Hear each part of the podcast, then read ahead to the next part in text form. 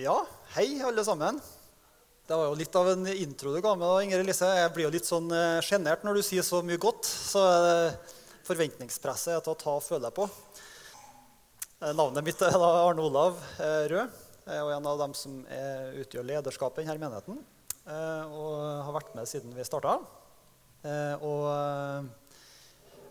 har da ut fra semesterplanen eh, havna på den dagen hvor vi har så mye godt folk utenom dem som vanligvis bruker å være her. Så det er jo veldig kjekt.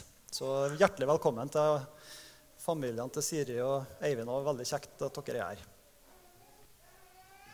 Jeg har da fått anledningen til å, til å forkynne i dag. og eh, Jeg har da valgt en litt sånn eh, catchy tittel for at dere skal følge ekstra godt med. Og Det er da tittelen 'Det beste med kristendommen ifølge ateister'. Nå lurer dere kanskje veldig på hva jeg har tenkt å si om akkurat det. Og da er dere på rett plass. Aller først så har jeg lyst til at vi følger en god gammel tradisjon og starter med tekstlesing. Og Tekstlesinga i dag da, det er fra Lukasevangeliet kapittel 18 og vers 9 til 14.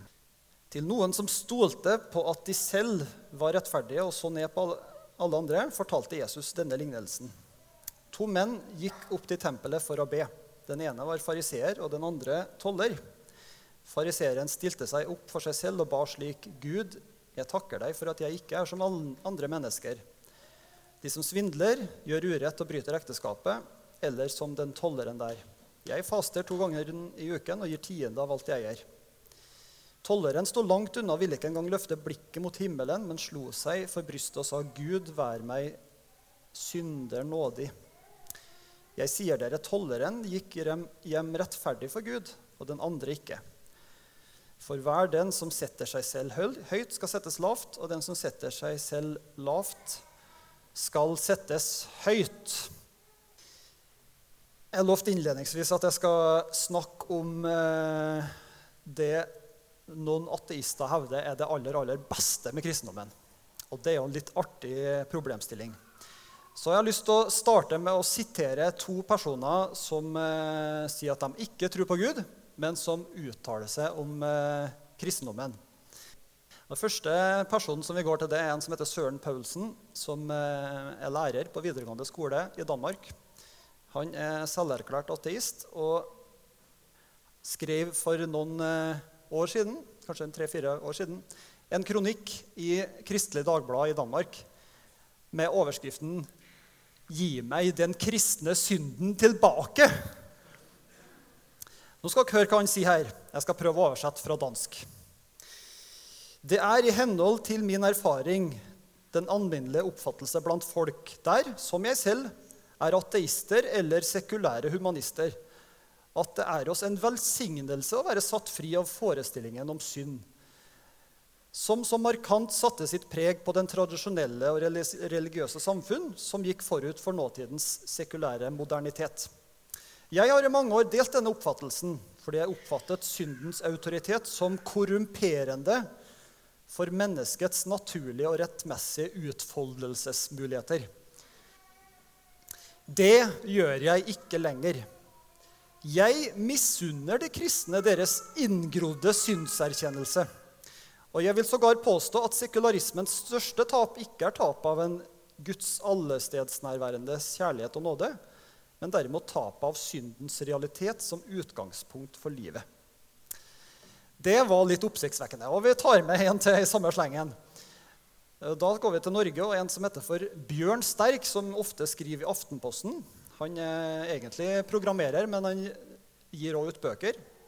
Og blogger og samfunnsdebattant. Og han er òg ateist. Han sier følgende Kjernen av det kristne moralsynet er at vi alle er syndere. Noen mener at dette er den verste kristne ideen. Jeg mener at det er den beste. Mange kristne har kapitulert for sekularismen og overtatt moralangsten vår. De selger seg for billig. Det er vi ateister som har noe å lære av dem. Disse toene står ikke alene, men det er også mange flere som eh, ikke deler troa vår, som påpeker at kristendommen har noe for seg. Vi har sånne navn som Richard Dawkins, Douglas Murray og Dave Rubin fra den engelskspråklige verden, som heller ikke er kristen, men som over tid har kommet fram til at kristendommen er både bra og viktig for å bygge et godt samfunn, som òg vil være på linje med de her. Og her er jo ganske oppsiktsvekkende å stå og si på et kristent møte at uh, det her, eh, de som ikke tror Nå gjelder jo ikke alle, men dette er to eksempler. De sier at synden er det beste med kristendommen. Kjenn litt etter på den. Fordi vi som har vokst opp og, og, og levd med dette i mange år, for oss er det stikk motsatt. Vi er jo, vi er jo nesten redd for å snakke om det. Fordi at vi vet at ordet har blitt så belasta, det er så anspent når vi snakker om synd, at vi helst unngår å snakke om det i det hele tatt. Jeg sjøl eh, vokste opp i en sånn brytningstid hvor det her var litt på tur ut. Eh, det som derimot var på tur inn, hvis du tar neste bilde, det var den gode, gamle sangen 'Du er du, og du duger'. Hvor mange er som kan den? Ja, det er mange. Det er veldig bra. Skal vi, skal vi koste på oss å ta den? Jeg kan være forsanger. Du er du, og du duger. Du er du, og du duger. Du er du, og du duger, for du passer perfekt i Guds favn. Ja, vakkert, vakkert. Og her står vi altså ved veiskillet. For det her var en veldig kjent og sær sang når jeg vokste opp. Jeg lærte den på Misjonshuset i Soknedalen. Og på mange måter oppsummerer det litt denne holdninga som har sklidd mer og mer inn i kristne miljøer. Det at det er mye mer bekvemt å snakke om at Gud elsker oss, og Gud er nådig, og du er skapt i Guds bilde, helt perfekt, akkurat som du skal være, og ingenting er galt. Og En skulle jo tro at et sånt type budskap er enklere å selge inn òg, for det er jo så positivt. Ikke sant? Og det er livsbejaende, og det omfavner, og alt blir jo så bra.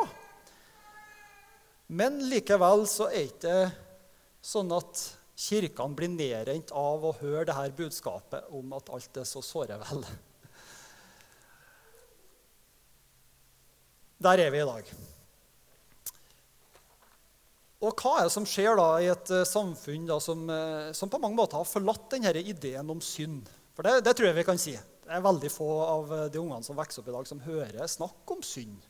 Eh, annet enn når det blir sånn litt anspent, og at dette er noe som vi helst dysser ned. Jo, det er jo ikke sånn at uh, den nødvendigvis forsvinner. Eller det behovet for å snakke om uh, hva vi gjør med idealene som vi omgir oss. For dem lever jo i beste velgående. Det er bare å ta en, en rask sveip på Instagram eller på andre plattformer. Så ser du at det er ikke sånn at idealene for et godt og rett liv har forsvunnet, sjøl om kristendommen eh, sin posisjon i landet har, har blitt svekka. Men det sniker seg inn mange andre idealer om hvordan vi bør leve. Og Det er jo litt sånn slagordprega. ikke sant? Vær den beste utgaven av deg sjøl. Realiser potensialet ditt. You do you.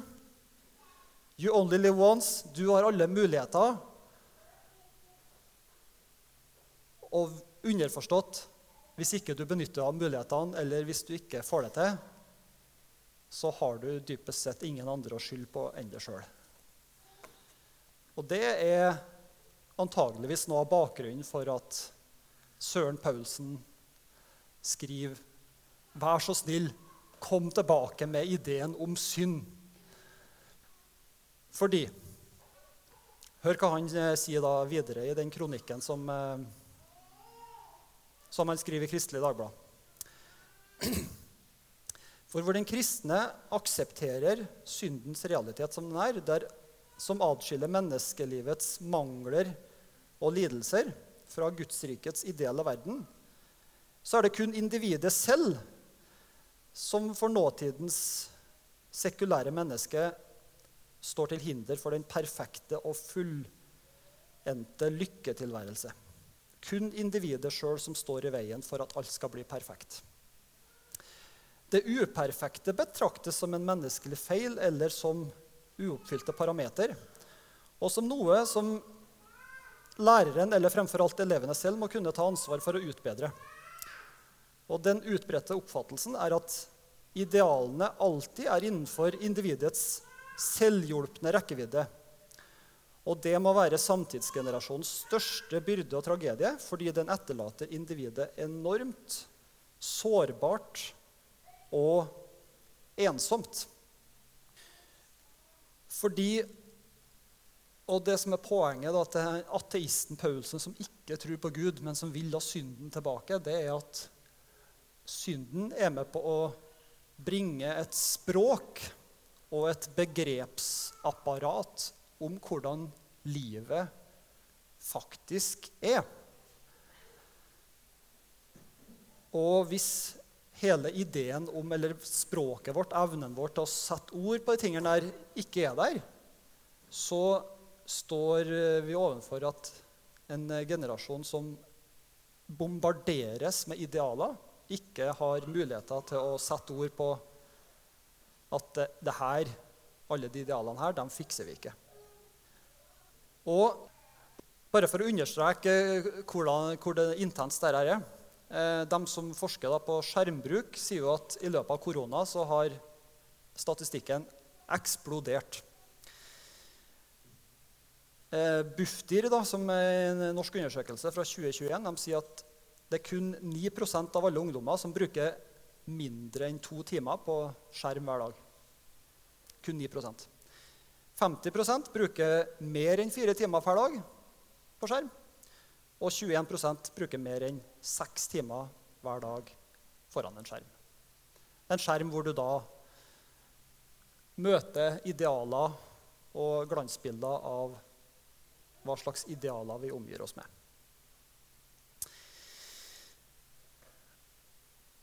Det må være en grunn til at disse folkene her ønsker begrepet synd tilbake. Og For oss som er kristne, så er det jo litt anspent, det å snakke om synd. Noe av grunnen til det er jo at vi antageligvis eh, ikke ofte snakker om hva det egentlig vi legger i det begrepet. Den vanligste måten å snakke om synd på det er at vi klistrer merkelappen 'synd på handlinger' som vi følger Bibelen ikke bør gjøre.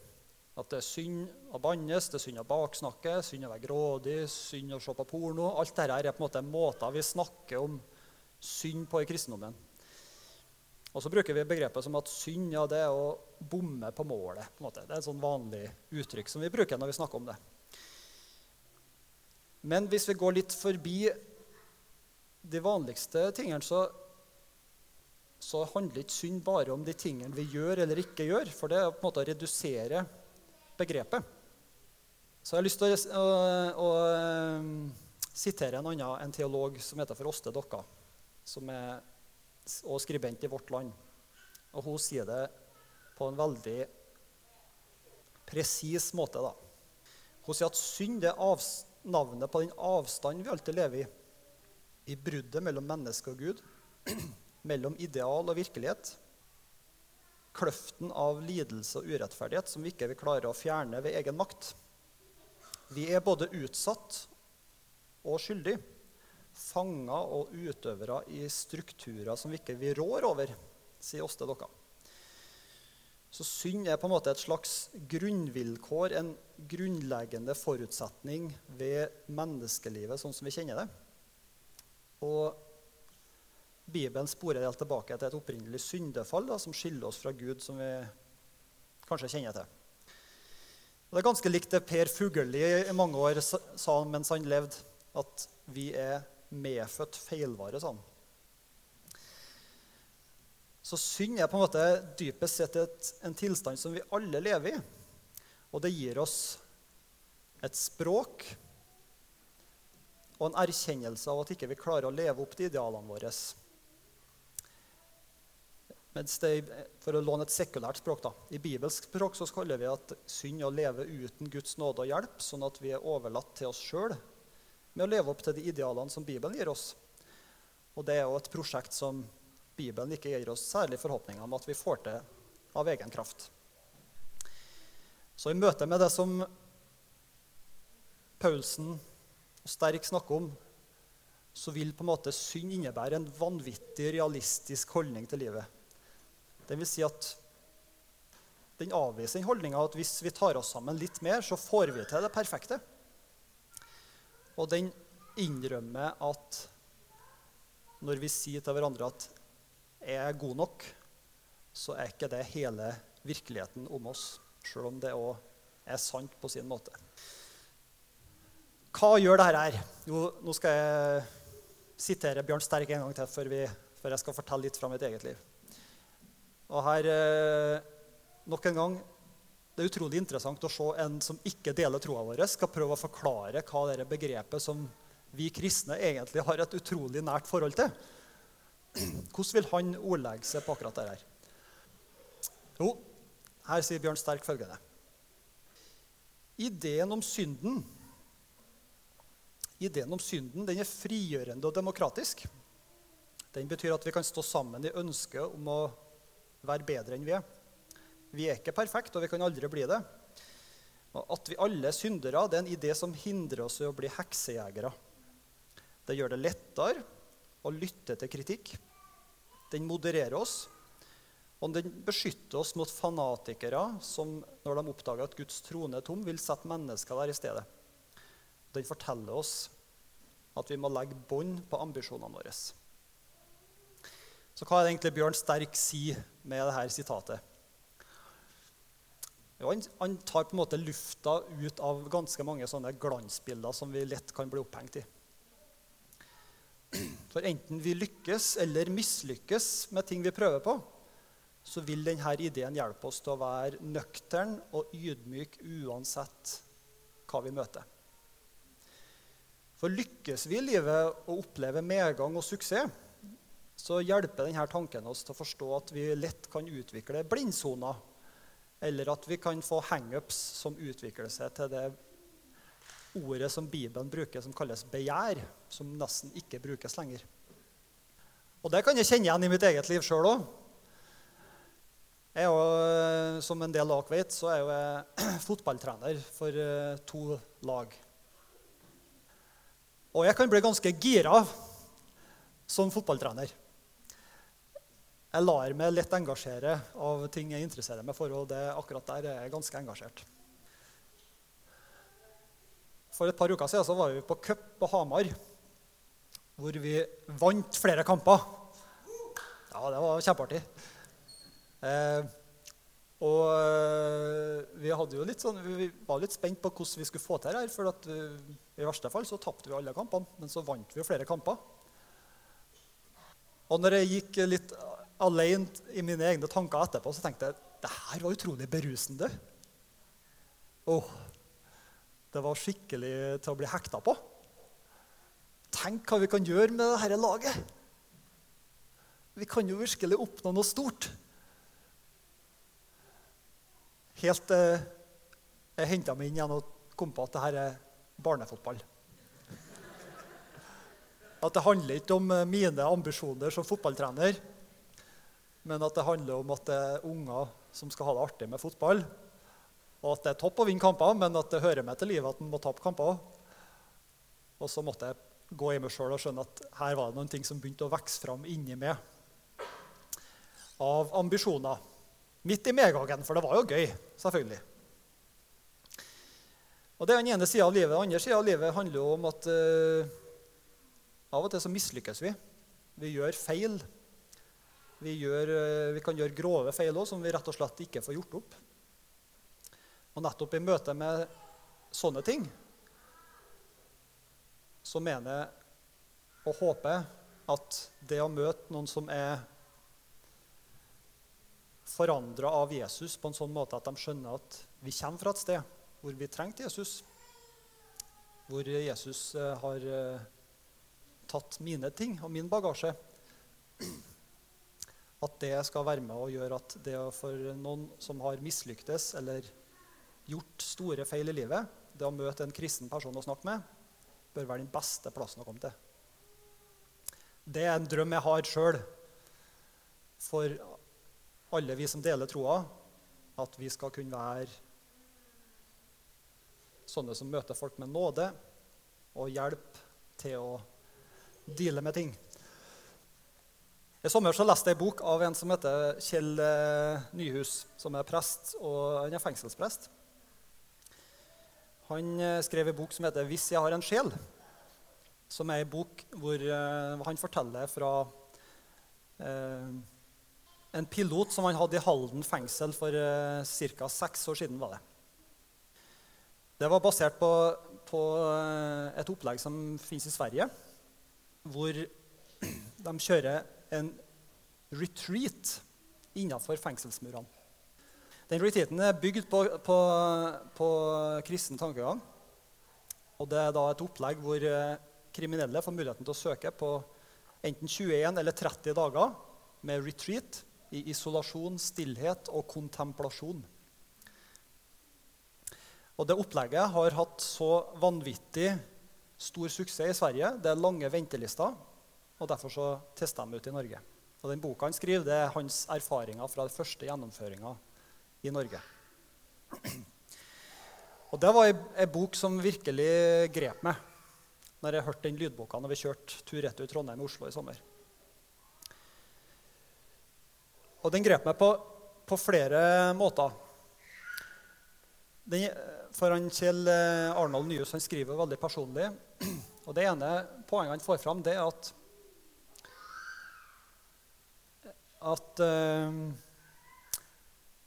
det er, han, når han blir kjent med de kriminelle som da søker på eh, retreat-opplegget. For det var ventelista i Norge, og det, piloten har blitt videreført. Så her er det, det kriminelle som gjerne vil på retreat. Det høres litt rart ut. Hvem vil på et kristent opplegg med 21 dagers eh, stillhet? Jo, det er veldig mange, faktisk. Utrolig stilig. Men, eh, ja. Men det som han sier, den ene lærdommen er at han ser at det er faktisk det hadde ikke vært helt fjernt om han hadde vært den kriminelle. sier han. For Han kan se tilbake på ungdomstida, hvor han hang sammen med, med, folk og fant på mye ting som var litt i grenseland. Med både bilkjøring og alkohol og ting som han vet at det her Hadde mamma og pappa visst at det gjorde det her, så hadde de sagt fra at det her ikke er bra. Men han, han ble utdanna, han fikk, eh, ble prest og fikk familie og på en måte er jo etablert. Mens mange av dem som han hang sammen med i ungdomstida, de, de eh, endte opp med å få et tøft liv. Hvor han reflekterer og ser tilbake og, og ser at det var ikke så veldig stor forskjell på han sjøl og de som havna bak fengselsmurene. Han kunne relatere seg til dem som mennesker. Og ofte så handla det om små, fatale valg, gjerne tatt i frykt, som gjorde at de ble i politiets søkelys. Og han eh, ser også smerten i måten de, eh, de eh, ja, blir stigmatisert, og hvor de merker at folk tar avstand til dem da, når de er kriminelle. Og noe av bakgrunnen for at de gjerne vil på retreat. Da. Så den ene tingen at han ser at det er ikke så stor forskjell på dem.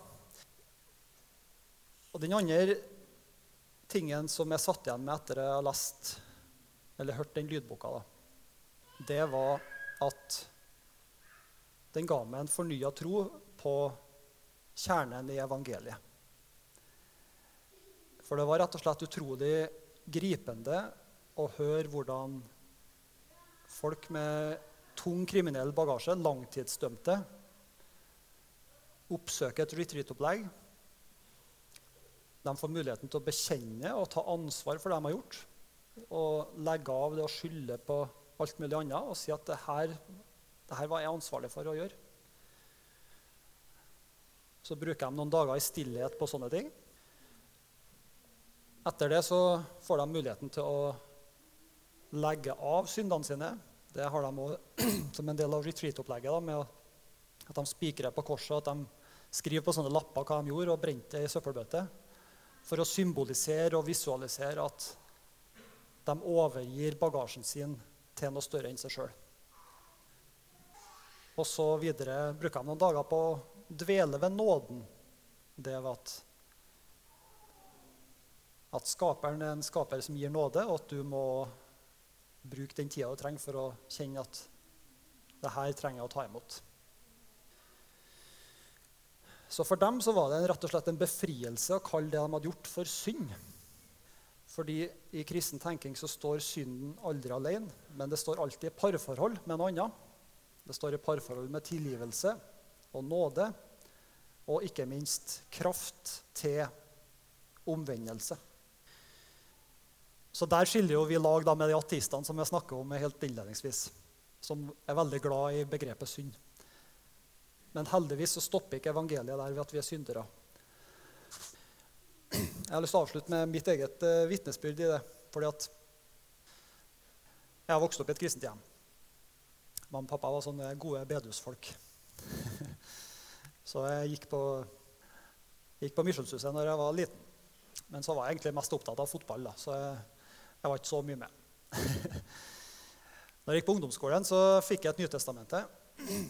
Og jeg brukte en del av tida hjem til å lese gjennom hele Nytestamentet. faktisk. Selv når jeg gikk på ungdomsskolen. Eh, for jeg var veldig nysgjerrig på hva som sto der. Eh, og jeg husker spesielt en passasje i et av brevene som det sto litt om eh, ja, ting som jeg beit meg litt merke i. Du vet, når du kommer fra Soknedalen, sånn som jeg gjør, så er jo det med bygdafest det er jo en del av kulturen. Eh, og så så jeg at det sto et eller annet om at, eh, at uh, ikke vi skulle drive på med festing og fyll og sånn. da. Og det merka jeg meg sjøl, at det står i Bibelen at jeg ikke skulle gjøre det. Og så visste jeg at snart er jeg konfirmert. Jeg har lov å gå på dans på lokalet. eh, og, og, det gjorde jeg da jeg var konfirmert. Eh, Sjøl om jeg, hadde en, jeg huska på det som jeg leste i Bibelen, at det er jo ikke rett. Men evnen min til å ta tak i tingene der, den var ikke der. Så jeg levde et uh, sånn type liv der hvor uh, jeg visste jeg visste litt hva jeg, hva jeg, egentlig burde gjøre, men så uh, var på en måte den tyngdekrafta den dro meg mot lokalet. så når jeg var 17 år, så, så ble jeg mye mer med på kristne møter igjen. Og, eh, og gjennom, eh, Det var mye spennende som skjedde der, men midt oppi alt det så, så merka jeg liksom at det skjedde noe på innsida av meg. At den, det ubehaget over å leve et sånt liv der jeg ikke levde i tråd med det som jeg egentlig innerst inne visste, det ubehaget vokste i meg. Og Det store vendepunktet for min del ble på en måte når jeg da valgte å si ja til Jesus av et møte jeg var på. Og Vendepunktet var på den måten at det handla ikke bare om at jeg fikk et møte med nåde og tilgivelse, og at jeg følte at Jesus eh, ga meg litt blanke ark. For det hadde jeg behov for å få blanke ark i livet òg. Men det handla om at eh, jeg fikk et møte med Jesus som ga meg kraft til å vende om og ta et oppgjør med de tingene som jeg visste innerst inne var feil. Og det er på en måte hele det evangeliet som vi forkynner. At, at eh, ja, det er på en måte greit å være ærlig og realistisk i forhold til med synd, men hele evangeliet handler om at Jesus ble sendt til jorda. At Gud for lengst har sett at, hva som var problemene våre, og at han grep inn for å komme og hjelpe oss ut og over i et annet liv hvor vi kan ha det bedre med oss sjøl i forhold til det å leve med idealer og de spenningene der.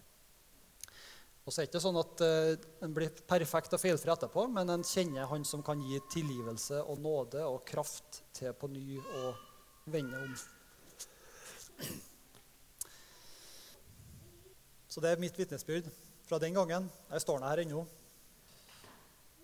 Det er jo et mirakel, det òg, da. Jeg har lyst til å avslutte med et annet sitat fra en som heter for Erling Rimehaug. Eh, hvor han òg oppsummerer mye av de samme tingene som, eh, som jeg er inne på. Han sier da Hvis synd er å bomme på målet, slik det ofte sies, hva er egentlig målet? Er målet å komme til himmelen? Er målet å overholde alle regler? Kirkefedrene snakka om at målet er Kristuslikhet. Når Jesus er målestokk, vet vi at det avgjørende er hva vi gjør mot vår neste, både individuelt og kollektivt. Og når vi ser at vi svikter i å leve slik vi skulle, så kan det være en befrielse å kalle det synd. Da kan vi i stedet for å fortvile og gi opp i kynisme settes fri til å prøve på nytt ved å bekjenne og få tilgivelse og oppreisning. Amen.